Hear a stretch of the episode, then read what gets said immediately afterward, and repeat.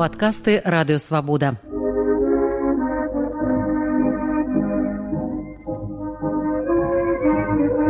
Сто гісторый пра БНР з Сергеем Шупам.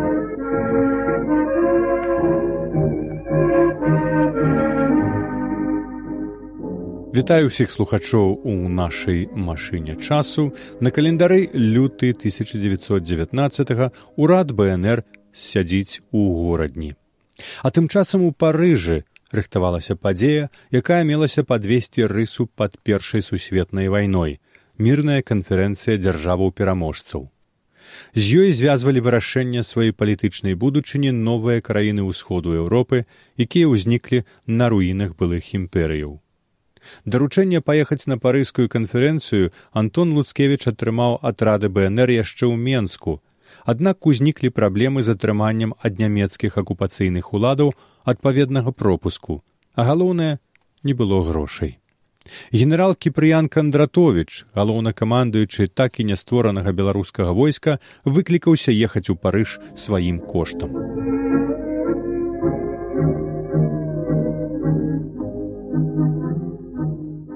Кандратович выехаў у парыж дакладней у бок парыжу а пакуль што ў берлін 4 лютага 1919 году і павёз з сабой мемарыял беларускага ўраду старшыні мірнай канферэнцыі які антон луцкевич пісаў і дапрацоўваў амаль цэлы месяц. Под той час як прынцып самаазначэння нацыянальнасцей святкуе перамогу на ўсенькім свеце дванаццацімільённы беларускі народ некалі вольны і незалежны а пасля паняволены суседзямі і толькі цяпер паўстаўшы дзеля адбудовы сваёй нацыянальнай культуры і дзяржаўнасці стаіць перад пагрозай новага паняволення яшчэ горшага за колішняе гаварылася ў мемарыяле. Урад бнр заклікаў развязаць на мірнай канферэнцыі беларускае пытанне ва ўсёй яго шырыні а таксама дапусціць на канферэнцыю дэлегацыю бнр і сапраўды чаму б не дапусціць для ўдзелу ў канферэнцыі прадстаўнікоў беларусі калі сярод афіцыйных краінаў удзельніц былі напрыклад балівія гватэмала гаіці хіджаз ліберыя сіям. Следам за кандратовічам луцкевіч высылае ў парыж алексея азнабішына які сам запрапанаваў свае дыпламатычныя паслугі стаіць на грунце дэкларацыі которую мае вясці генерал кандратович мала таго стаіць на тым што цэласць беларусі ад польскіх апетытаў можна бараніць толькі ў імя беларусі але не рассеі аптымістычна зазначае луцкевич азнабішын дэпутат чацвёртай дзяржаўнай думы ад горадзенскай губерні дзе ўваходзіў у фракцыю расійскіх нацыяналістаў і памяркоў на правых чыноўнікам для спецыяльных даручэнняў пры дэлегацыі быў прызначаны леонид баркоў пра якога нагу невядома амаль нічога. Падкасты радыёвабода падарожжа ў бнр з сергеем шупам. Горадзінскае сядзенне антона луцкевіча нарэшце скончылася 18 лютага з вільні прыйшла вестка што стан здароўя брата івана рэзка пагоршыўся. Антон ураз сабраўся і назаўтра паехаў. У бальшавіцкай вільні беларускі прэм'ер прабыў пару тыдняў. Прыглядаўся да кіпеўшай тут працы інфармаваў аб тым што дзеецца на захадзе.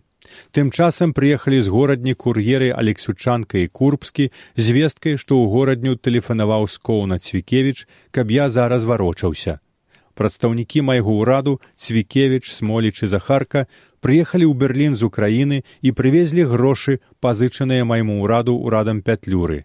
Дык ёсць магчымасць ехаць у парыж на міравую канферэнцыю. Атрымаўшы гэтую вестку я мусіў развітацца з іванам і вільняй ды ехаць пісаў антон луцкевич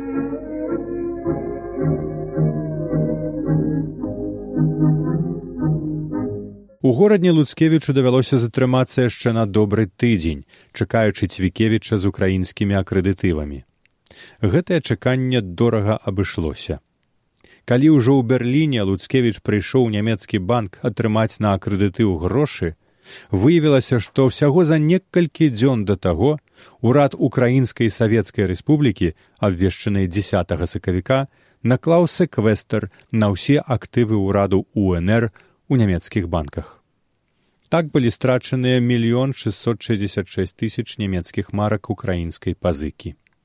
Давялося паслаць цвікевіча і зайца ў вену па другую частку пазыкі тры мільёны кронаў, выпісаную на аўстрыйскі банк. Да вены бальшавіцкія рукі яшчэ былі не дацягнуўшыся і грошы ўдалося атрымаць. Але з усіх гэтых прычынаў Луцкевіч праседзеў у берерліне ад канца сакавіка аж да чэрвеня. У Берлін беларускія ўрадоўцы выехалі два сакавіка, пакінуўшы землі абвешчаныя за год да таго беларускай народнай рэспублікі. На другі дзень на першым паседжанні рады народных міністраў бнр у берліне было вырашана што ў выпадку акупацыі горадні беларускі ўрад мае пераехаць далей на літоўскую тэрыторыю калі будзе немагчыма затрымацца ў іншым пункце тэрыторыі беларускай.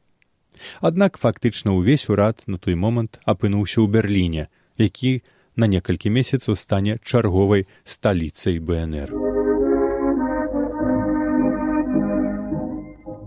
падкасты радыёвабода падарожжа ў бнр з сергеем шупам.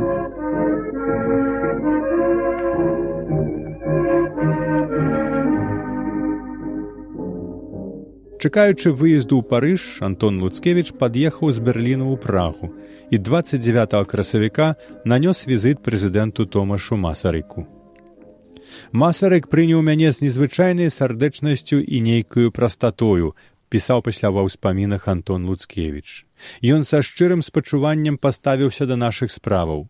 Між іншым са смуткам адзначыў што польшча якая лёгка магла б пасля рассеі заняць месца правадыра славянства пра гэтую ролю абсалютна не клапацілася з уласціваю чэхам практычнасцю масарык сам закрануў пытання пра дыпламатычную дапамогу з боку чэшскай місіі.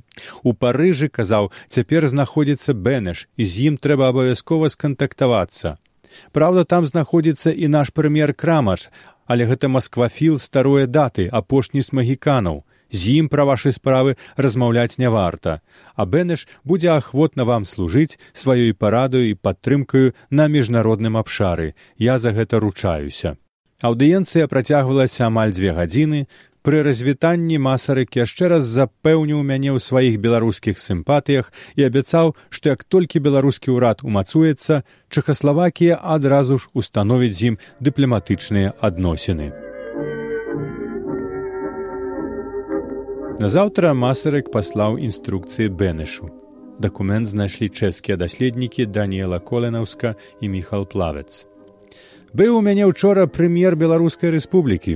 Яны дамагаюцца нашай маральнай а наколькі можна і палітычнай дапамогі. Яны прыйдуць да вас выкладуць сваю справу і пададуць мемарандум. Гэтая беларуская рэспубліка ёсць плодам расейскага распаду. Яны мусілі б застацца расейцамі і баста як украінцы але расея распалася а таму цяпер арганізацыя гэтых краёў лепшая чым распад пад маскоўскім штучным цэнтралізмам Таму мы, не паглыбляючыся ў філялогію і ўнутраную адміністрацыю, прымаем статус-кво. З гэтага гледзяшча я іх запэўніў, што мы будзем рады з імі гандляваць і гэтак далей. Аднак асцярожна з палякамі, якія ў нашай неўтральнасці ўбачаць антыпольскасць, бо яны хочуць завалодаць беларускай тэрыторыі. І яшчэ асцярожна з доктарам крамаржам, чыё русафільства магло падпалохаць і беларусаў і украінцаў.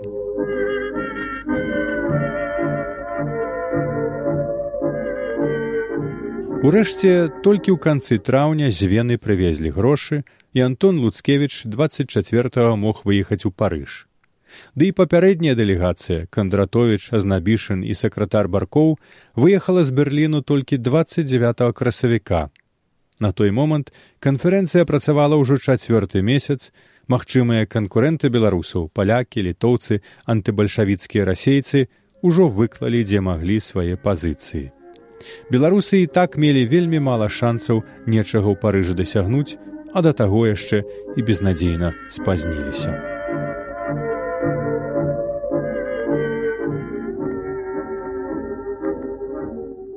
Вы слухалі падкаст радыёвабода. Наступны выпуск праз тыдзень. Усе падкасты свабоды ў інтэрнэце на адрасе свабода кропка орг. Штодня у любы час у любым месцы, калі зручна вам. Свабода кропка орг. Ваша свабода.